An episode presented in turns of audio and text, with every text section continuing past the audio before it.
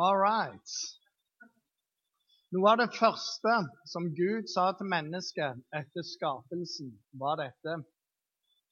Vær fruktbare, bli mange. Det betyr at han oppfant noe som heter sex. Og neste torsdag så kommer talen til å handle om sex. Så la oss bli dobbelt så mange neste gang. I dag så vil jeg starte med å eh, lese noe som jeg leste i Aftenposten. og Det er psykolog Aksel Inge Sinding som har skrevet dette her.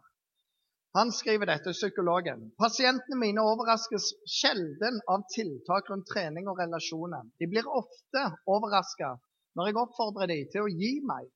Min niese overraska meg på julaften da alle gavene hun hentet frem, var de hun skulle gi og ikke de hun skulle få.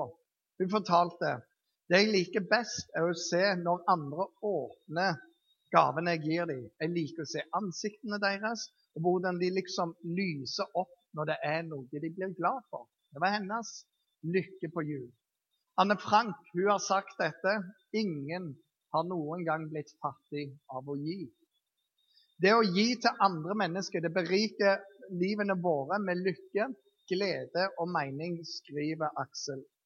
De fleste vil si seg enig, spesielt eh, nå han skrev dette i jula. da.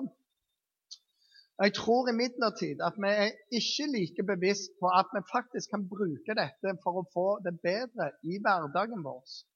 Når jeg møter pasienter med angst og depresjon, brukes første timen til å kartlegge og finne enkle grep som raskt gjør hverdagen litt lettere.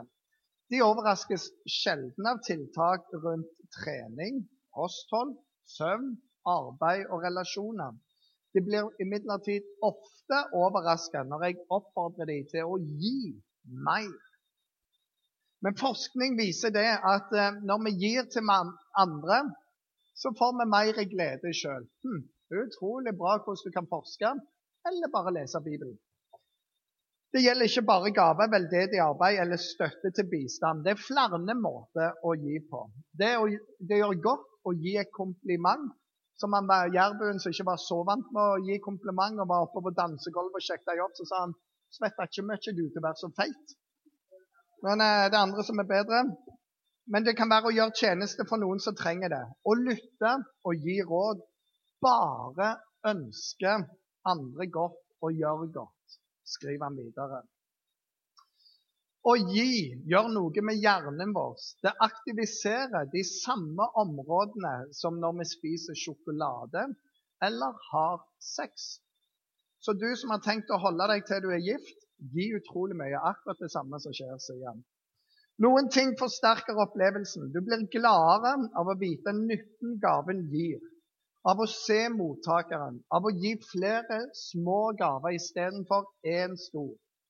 Når andre ser at du gir, når du mottar takk etterpå, du blir også gladere når du ikke får noe tilbake. Du blir gladere når du ikke får noe tilbake. Å gi gjør også noe med oppmerksomheten. Når vi har det vondt, tilbringer vi mye tid inni oss sjøl. Vi bekymrer oss, grubler, angre og kverne over alt vi ikke får til. Og se, hør der. Når vi gir, flytter vi oppmerksomheten utover, skaper en pause fra oss sjøl og et rom til å se at andre trenger hjelp, at andre strever, eller at de har det verre enn oss. Det får oss til å føle oss bedre. Og så fortsetter han. Og det er utrolig bra. Og så sier han du kan gjøre tjenester for venner og familie, støtte veldedige organisasjoner, overraske noen, lytt til en som trenger det, lag mat til andre, ros og takk kollegaer. Og så avslutter vi dette. Om du ikke gjør det for andre, så gjør det for deg sjøl. Gi mer. Det er bra av en psykolog. Jeg har lyst til å si dette i starten av talen min. At vi predikanter vi eh, har et skrekkscenario, og det er det som kalles for Johannes kapittel 6-talen. Og Johannes kapittel 6 det er først så stimler det folk rundt Jesus. Sinnssykt mange. De klarte å telle 5000 mannfolk. Eh, og så var det en haug med damer og barn der i tillegg.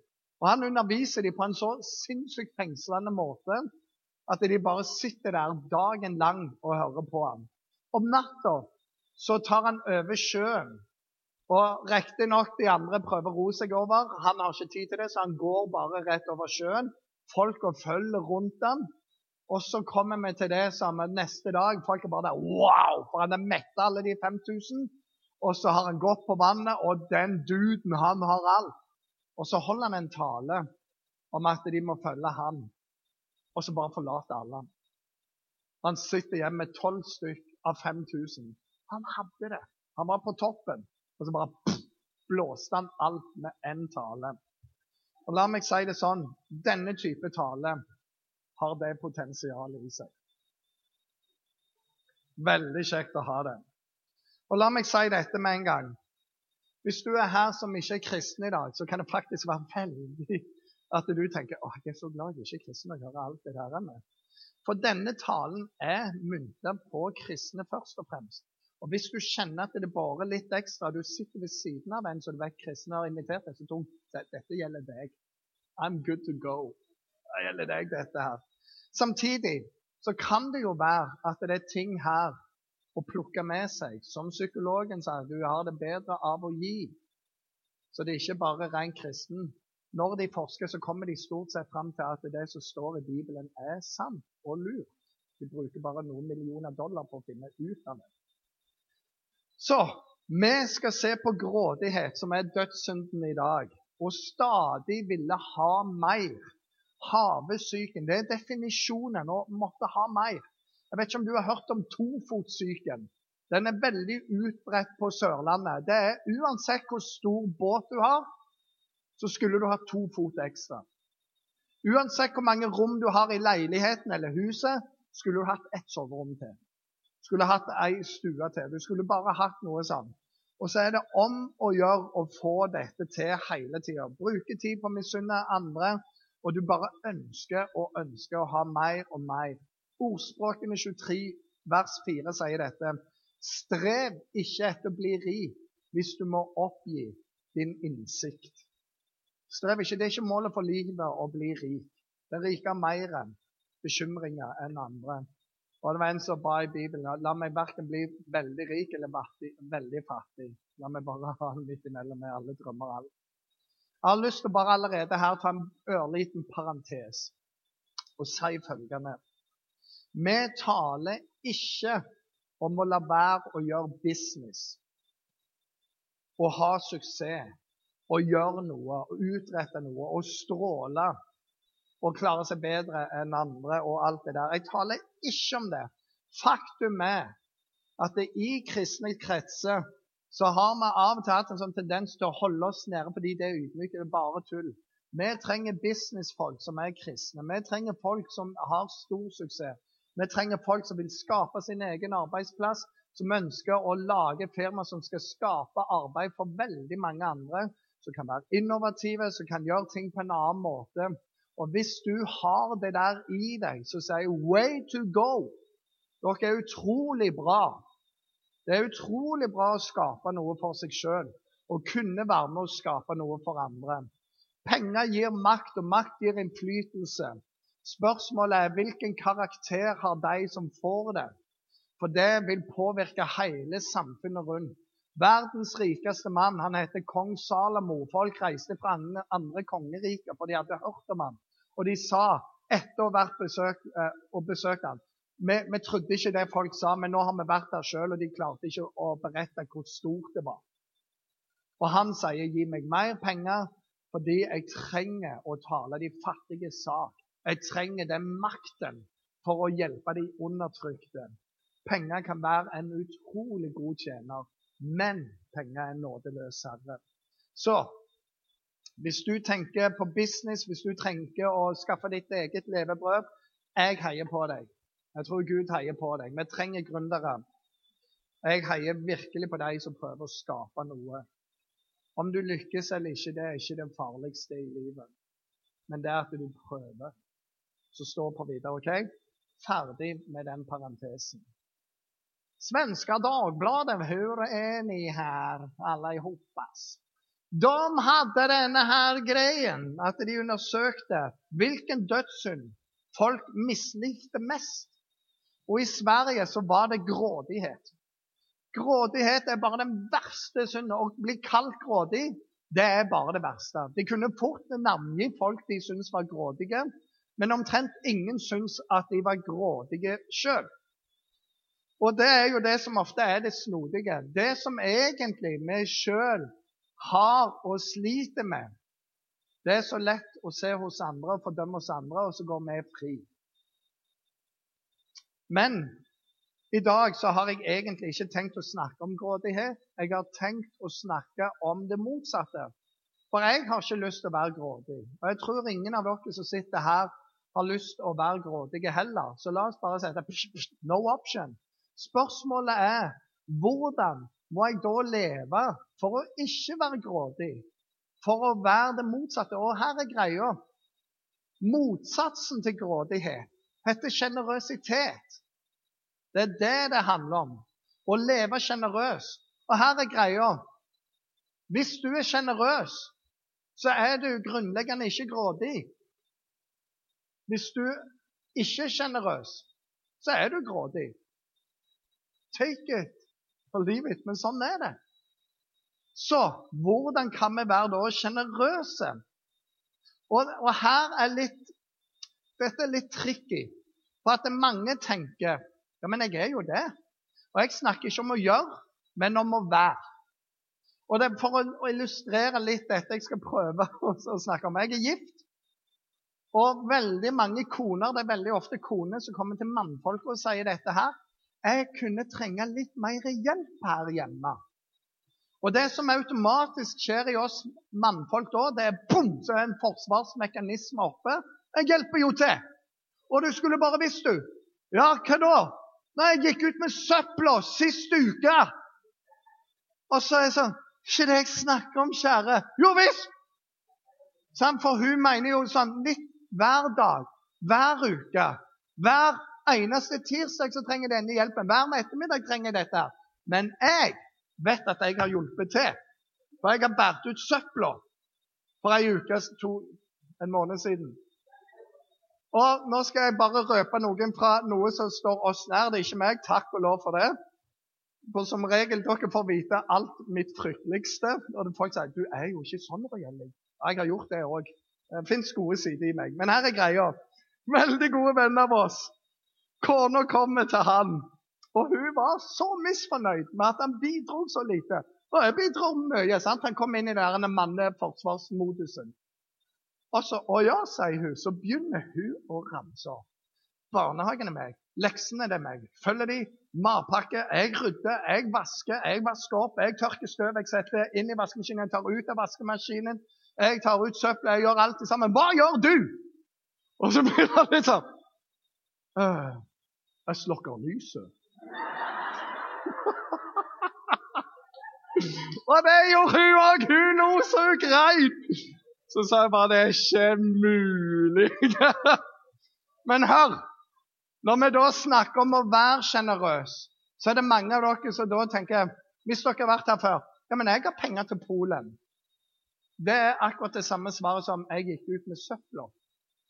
Fordi med mindre du gir hele tida at det er noe, så ikke det er noe du er, men det er noe du har gjort.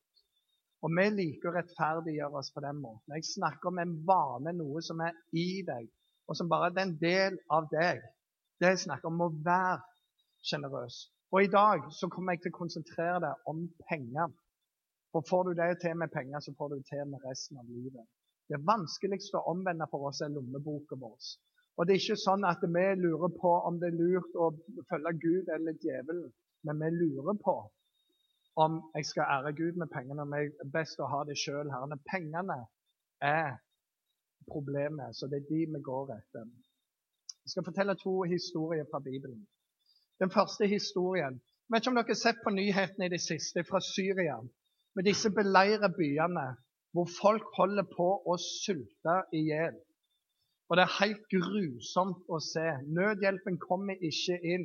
Og så får du høre nå har så mange mennesker dødd der av sult. Og så ser du helt radmagre mennesker. En lignende historie skal vi inn i. Bare at det var tørke i landet. Det hadde ikke regna på lang, lang tid. Så alle avlinger hadde tørka opp. Det var ikke mer korn i landet. Det var ikke noen ting å, å oppdrive av mat. Og profeten Elia han får en beskjed fra Gud. Gå inn til Sarepta. Der skal du finne ei enke. Jeg har talt til henne, hun skal ta deg i huset sitt, og du skal bo der, og jeg skal verne deg der. For kongen var etter han og skulle drepe han. Og Så går han til denne byen, og der ser han ei enke som er ute og plukker sammen noen pinner. Og, og, det som han gjør da, han sier du, jeg vil ta inn i huset ditt, og jeg trenger noe mat. Så sier hun, gode mann, her går jeg og samler noen pinner. For det jeg skal gjøre nå, jeg skal hjem og lage et brød til meg og gutten min. og Det er det siste vi eier. Og etterpå så skal vi legge oss ned og dø. Det var Syria. Og mange var døde. Men så sier han bare slipp meg inn, la meg få den maten. For Herren sier at melkrukka di skal aldri bli tom så lenge det er hungersnød. Og oljekrukka di den skal bare ha ny og ny olje i seg. Og denne dama tenker kanskje hva har jeg å tape? Et måltid til ifra. Jeg er jo dødsdømt. Hun tar han inn. Så baker hun et brød til han som hun og gutten skulle ha. Og dette med livet som innsats. Og så gir hun det til ham. Bare kom opp med den. Tusen takk. Og så etterpå går hun ut på kjøkkenet, og så ser hun melkrukka er full igjen. Og så tenker hun nå kan jeg i hvert fall lage et siste måltid til gutten min òg. Og så går hun ut til gutten sin så her er det mat. Og så går hun ut igjen, og så er det fullt på ny. Og så får hun lagd mat til seg sjøl. Og så går hun ut på ny, og så er alt fullt på ny. Og så sier teksten at så lenge det var hungersnød, så hadde hun mat til profeten, til seg sjøl, til guttungen. Og antageligvis så flytta hele slekta inn i det huset. Hun valgte å tro på Gud og gi av det lille hun hadde. Og hun fikk erfare at den som gir til Gud, den kommer aldri, aldri til å stå tomhendt. Dette er helt fantastisk. De har kjørt til Lillesand for å hjelpe oss. Gi dem en god klapp. Og her står det 'vennligst ikke ta med denne flip-overen min som pastoren'. Så det gjorde vi nå. Men her er greia. Og Denne eh, greia å illustrere noe. Vi, eh, vi later som vi er i Finland nå. Så vi har liksom pickup. Den funker veldig godt. Den funker veldig godt. Ser dere at det står Pekka her? Pekka og Simmo. Gode finske navn. Håper ingen av dere heter det. Pekka og Simmo de går i Touchpoint Helsinki, som kommer til å komme en eller annen gang. De er kristne. De går og hører på Itzumetsikoishikoini, og han forsyner om Jesus. Og så har begge disse en veldig plan for livet. Den går sånn. Jeg, oi, oi, oi, jeg kan jo ikke alfabet engang. Det er på finsk. Jeg har jo tenkt meg at komme fra A til B i livet mitt, ikke sant? Tenker begge disse her. Men å komme til B det handler om å få seg hus og kjerring, og handler om å få masse biler og masse penger og alt det du trenger til å leve. Og det er jo sånn Når du skal planlegge livet, så, så må du liksom tenke budsjettering og spare litt og bruke litt og sånne ting. Men for å komme fra A til B, så må du gjøre noen ting. Det er lurt å spare i BSU, for da får du lettere lån. Og har du spart litt penger opp, så får du større lån, sånn at du slipper å ta alle stadiene fra 30 kvadrat til 50 kvadrat til 70 kvadrat til 120 kvadrat til 200 eller hva enn, og så har du bare lagt igjen en million på veien fordi du ikke kunne bang gå rett på. Sånn? Så disse tenker Pekka, Han tenker og har regnet ut Hvis jeg skal komme meg til B, så trenger jeg 100% av inntektene mine, for så mye, tenk, så mye tjener ikke vi. Jeg trenger pengene mine for å komme meg A til B, og det er jeg som gjør det. Det er min innsats som gjør dette her. Simmo, som går i samme menighet, har den samme forkynnelsen, han har en litt annen tilnærming, fordi han har hørt at det er større lykke å gi enn å få. At Gud ærer den som ærer Han. At gi meg, så skal jeg gi til dere. Gi, så skal du få. Velsignet er den som gir. Han har hørt på alt dette. Han har hørt om noe som heter tiende. Og han tenker at hvis du gir 10% så det er en god greie. Da gir alle like mye, bare litt ulikt beløp. Så han Simmo, han tenker jeg gir 90 til meg sjøl, til sparing, til å komme meg til B. Det ser ikke like enkelt ut som det andre, men jeg har òg bestemt meg for at det er 10 det ønsker jeg å gi fast til menigheten der jeg går. Det kalles å være sjenerøs. Ikke bare gi en kollekt som jeg ga til Polen, eller fordi vi trenger et eller annet. Han bestemte jeg er med. Jeg elsker Gud, jeg stoler på Gud. Jeg har sagt Gud, du er min forsørger. Jeg viser det med å våge det. Det som er greia, det er at når Simmo våger 90-10, så sier Gud det er flott. Men her er den greia jeg skal gjøre med deg.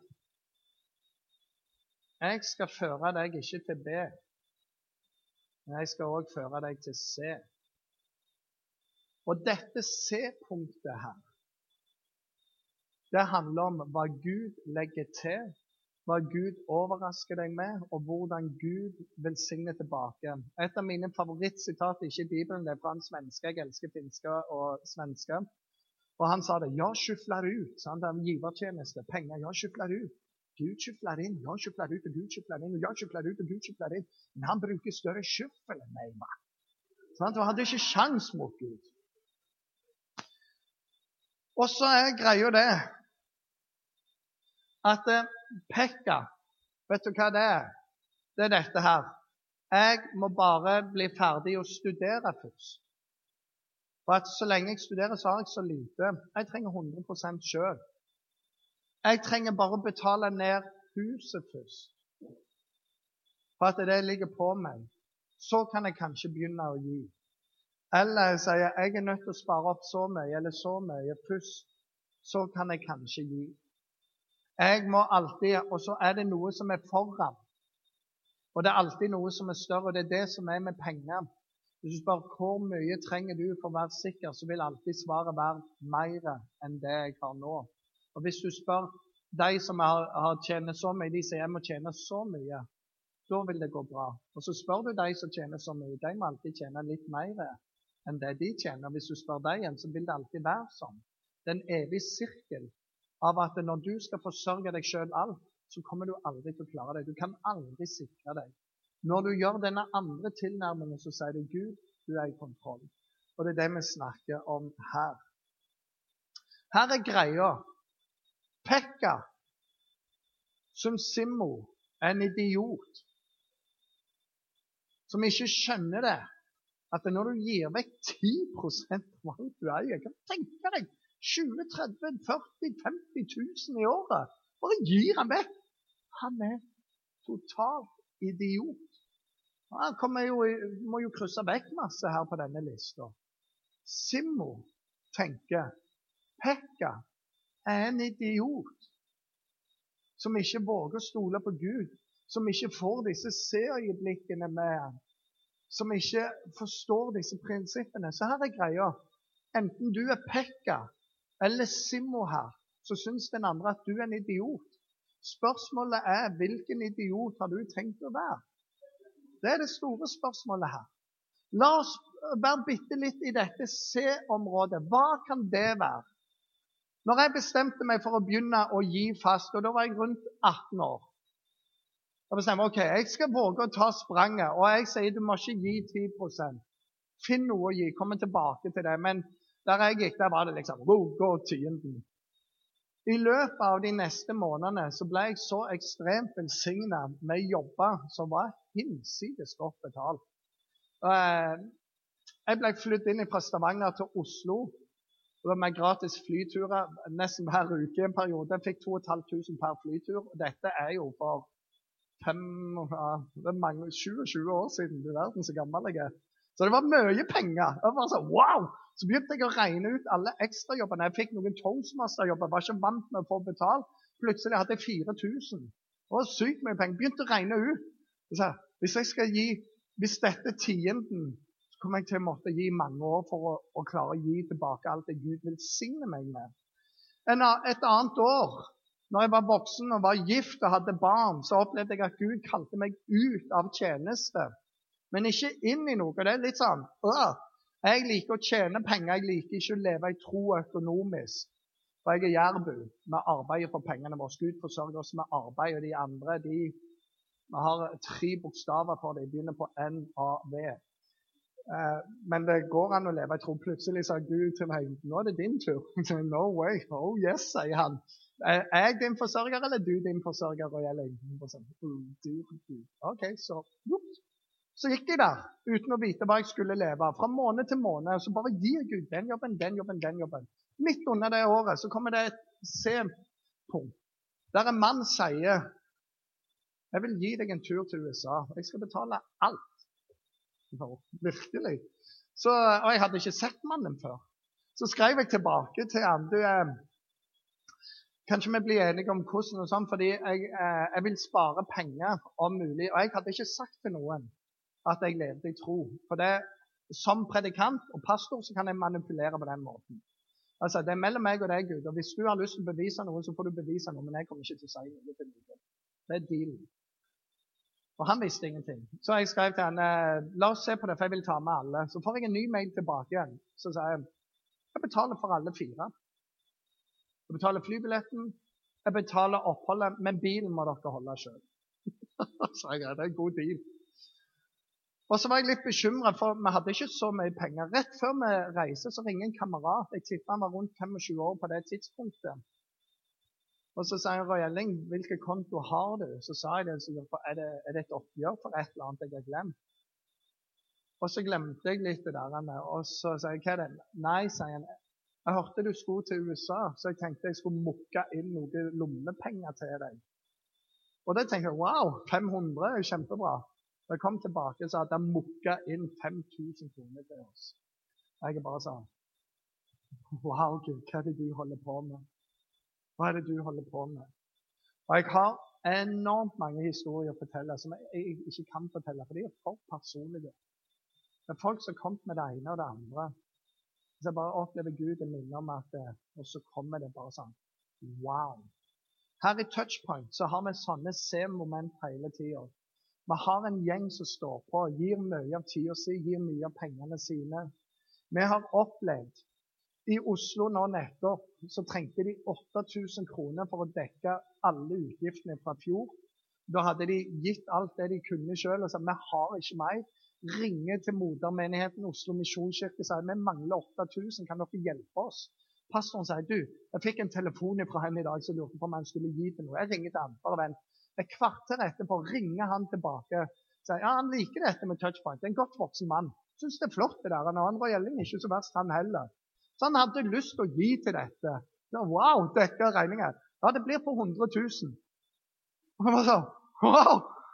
Det er jo det dekker jo ikke høsten, det dekker jo hele våren vår.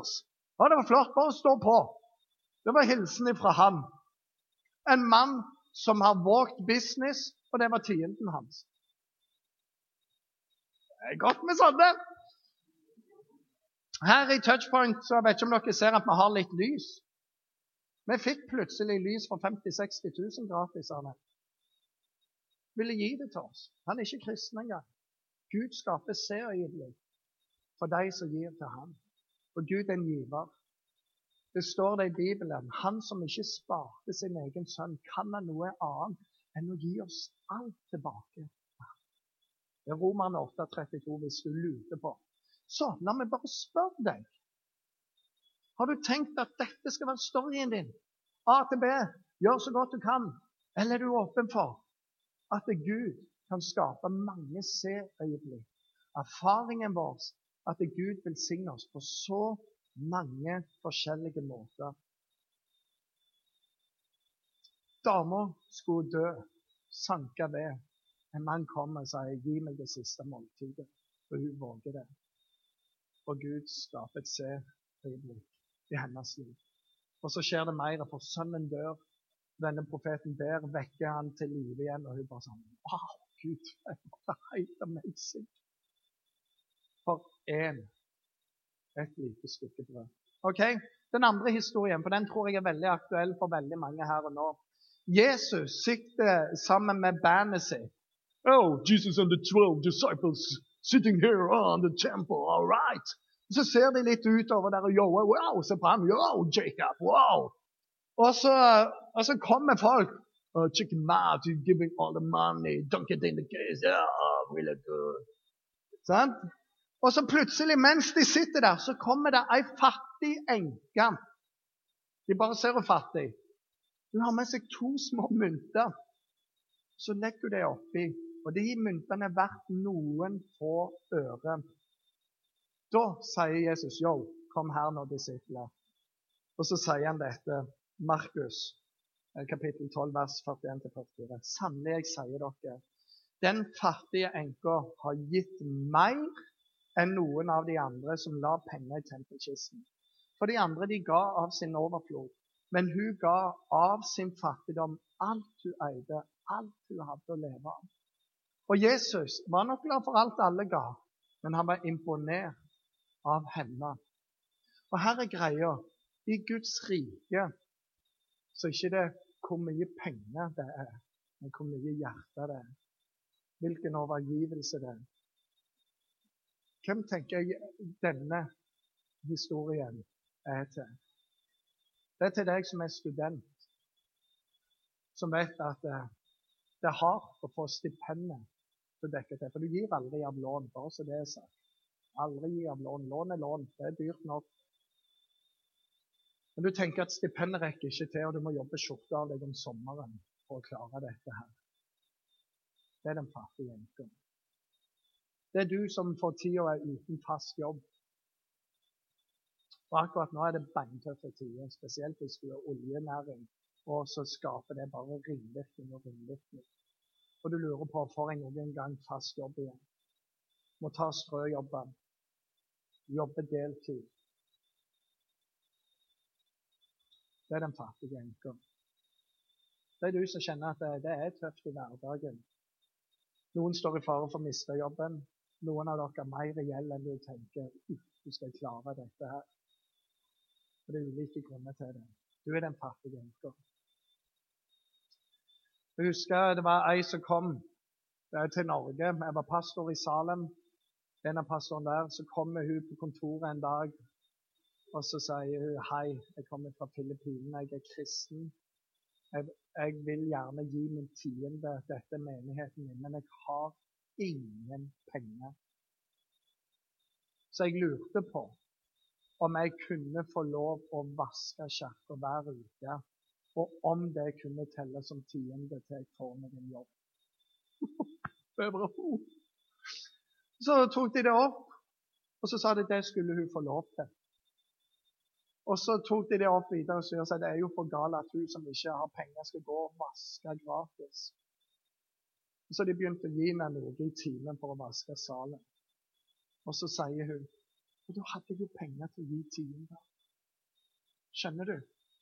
Ikke fattig eller rik, men det er hjertet. Hvor er skatten din? Og hvor skatten din, der går pengene. Så hva kan disse to små myntene være for deg? Du som opplever jeg er den fattige enka. Det kan være hvis du går her, så begynner å gi f.eks. 50 kroner fast i måneden. Sier Gud, jeg tar et steg ut i tro. Og nå begynner jeg ikke å gjøre noe, men å være sjenerøs. Og jeg vet noen av dere har tatt vanvittige steg bare med det å begynne å bake ei kake for ting dere har kjøpt sjøl, og gi den vekk, og dere er ikke vant med dette. Dette er store trosteg. Andre av dere har vandra langt, og noen her gir 2000 og 3000 fordi det er det du gjør. Du har kommet der i din vandring. Men de største stegene er de første stegene. De første stegene er de største stegene. Så la meg utfordre deg. Hva om du begynner å gi 30 kroner? Sier Jesus, jeg ønsker å ære deg. Dette er mine to skiller. Dette er mine to småmynter. I det store er det ikke mye, men for meg er det knallmye. Og vet du hva jeg tror Jesus sier til deg? Eh, først sier han Yo, engler kom her litt. Så du han? Så du hun? Fytti, sier jeg. 30 kroner i den tida i det du går igjennom nå. Bare blåser meg. Tenk at de elsker meg så høyt. Det er helt fantastisk. Så talen starta med at jeg frykta at dette var Johannes 6-talen. Neste uke får vi se om det var sant. Det er derfor vi lagt inn 6-talen istedenfor Johannes 6-talen denne uka. Og håper på dere tilbake. Det som er interessant i den talen, det er at når det var 5000 mennesker der, så talte Jesus så lenge og så bra at ingen gikk. Og plutselig blir jo alle sultne. Og Jesus sier til disiplene nå må dere gi mat til dem. De bare What? Vi har ikke handla mat til alle disse. Nei, gå og se hva som finnes. Finner en liten gutt. Han har fem brød og to fisker i taska si. That's it. Og kommer til Jesus i fare for at Jesus skal spise med sønn. Han er en veldig kul taler. Han kan bare ta alt sammen. Og mor, Jeg liker ikke fisk uansett, sant? og mor blir glad når matpakken er tom. Men han gir det til Jesus, og så, begynner, så ber Jesus, og så deler han brødet. Og så deler han til disiplene som skal dele ut til de 5000. Og hver gang de deler brødet, så blir det bare mer.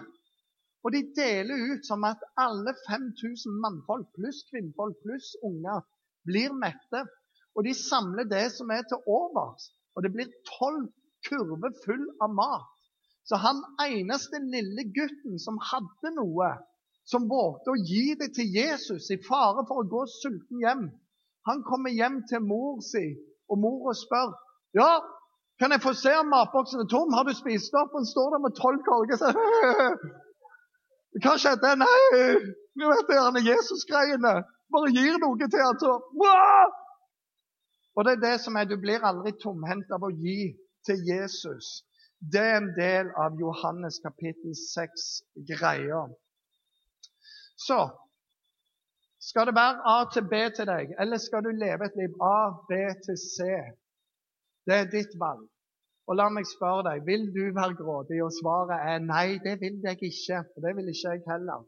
Så når du skal slutte å lure deg sjøl, så må du finne en eller annen måte å være sjenerøs på. Ikke gjør, men å være. Gi til noen. Gi av det du eier. Klarer du å gi penger, så klarer du å gi det meste. Så finn noe. Og ikke la det være sånn jeg gikk ut med søpla sist uke, men la det være noe til vanlig. Ok, Nå skal vi gå videre. Og for at det, dette kan bli manipulerende, så bare for å ødelegge alt nå, kan du gjøre sånn. Bare gjør sånn. Vi er ikke vant med å jobbe. Gjør sånn. OK. Sånn. Ut av den bobla. Her er greia, da. Her, hvis du går i touchpoint så kan du bli en fast giver. Vi har på oss disse her. Det er alle som er faste givere for sånn. Så det er jo sånn, eh, Jesus sa ikke 'la noen vite hva du gir', men gå med ei skjorte. Det kan du veldig eh, Så hvis du allerede er en fast giver her, så gå ut til informasjonen etterpå. Hvis du ikke, så kommer det nå møteverter fram. Hvis du har lyst til å bli fast giver, så kan du rekke opp hånda, så får du et ark og du får et papir. Og så kan du fylle ut med den summen som du vil gi. Min utfordring til deg er våg å utfordre deg sjøl. Vær sjenerøs. Samme hvor fattig du er. Våg å være sjenerøs. Våg å stole på Gud i dette her. Vi skal òg ha en eh, vanlig kollekt. Det skal vi ha under den neste sangen. Og Da er det sånn at det kommer opp bak meg at du kan ringe sende melding, mener jeg, på telefonen. Og du må velge mellom 100, 200 eller 400, for det er valget som ligger inne. Du kan gi på kortterminal der bak, hvis du vil det. Og du kan gi cash bak der. Og Hvis du er en av de som tar imot en autogir og fyller ut i dag, så leverer du den etter møtet der ute. Der vil Inga Malene, som er vår kasserer, den eneste som vet hva folk gir. Ingen av oss andre vet hvem andre som gir, og hvor mye folk gir. Og vi har ingenting med det. Det er egentlig mellom deg og Gud og Inga Malene. Og hun sier det ikke til noen. Ingen har noe med det å gjøre. Det er din vandring med Gud. din vandring. Så er møtevertene her. Jeg ser det ikke. Der er de. Kom fram. Så eh, hvis du har lyst på en autogiro, eh, bare rekk opp hånda, så får du. Til slutt i min tale, da, mens de står der og deler ut alt, følg doktorens råd. Gi der du kan, så ofte du kan. Inviter folk hjem. Inviter folk ut. Spander på folk. Det koster jo bare 100 kroner for en middag nå. Come on. Det er din sjanse. Sitt barnevakt f.eks. For, for pastorer med tre unge. Gjør det gratis. De, de blir veldig glade. Eh, bruk tid på ensomme. Inkluder de som ikke har så lett for å få venner. Ensomhet det er noe av det, den største tingen som vi sliter med i dag. Inviter folk inn i livet ditt. Vær sjenerøs. Ta med deg dette bibelverset på vei ut. Eh, vi skal be, og så er det lovsang. Altså, men ta med dette verset. Det står i Ordspråkene 11, vers 24-25. Én person strør ut og får likevel mer. En annen er gjerrig og må lite nød ende til. Den som sprer velsignelse, trives godt. Den som kvikker opp andre, blir oppkvikket sjøl. Skal vi be. Himmelske Far. Jeg takker deg for at eh, du er den mest sjenerøse av alle. Du som ga oss alt, og du ga oss din egen sønn for at vi ikke skulle dø, men at vi skulle leve. Herre, jeg takker deg for det. Det er helt utrolig. Og så sier du du som, ga, du som ikke sparte din sønn, kan du noe annet enn å gi oss alt vi har? Og Herre, vi vet at når vi gir, så ligner vi mer på deg, for du er selve giveren. Frels våre hjerter ifra det onde. Frels det ifra materialisme, ifra egosentrisiteten, ifra alt dette som gjør at vi blir grådige. Hjelp oss å være sjenerøse, og hjelp oss å komme dit at vi virkelig ser at det er større lykke å gi enn å få. I Jesu navn. Amen.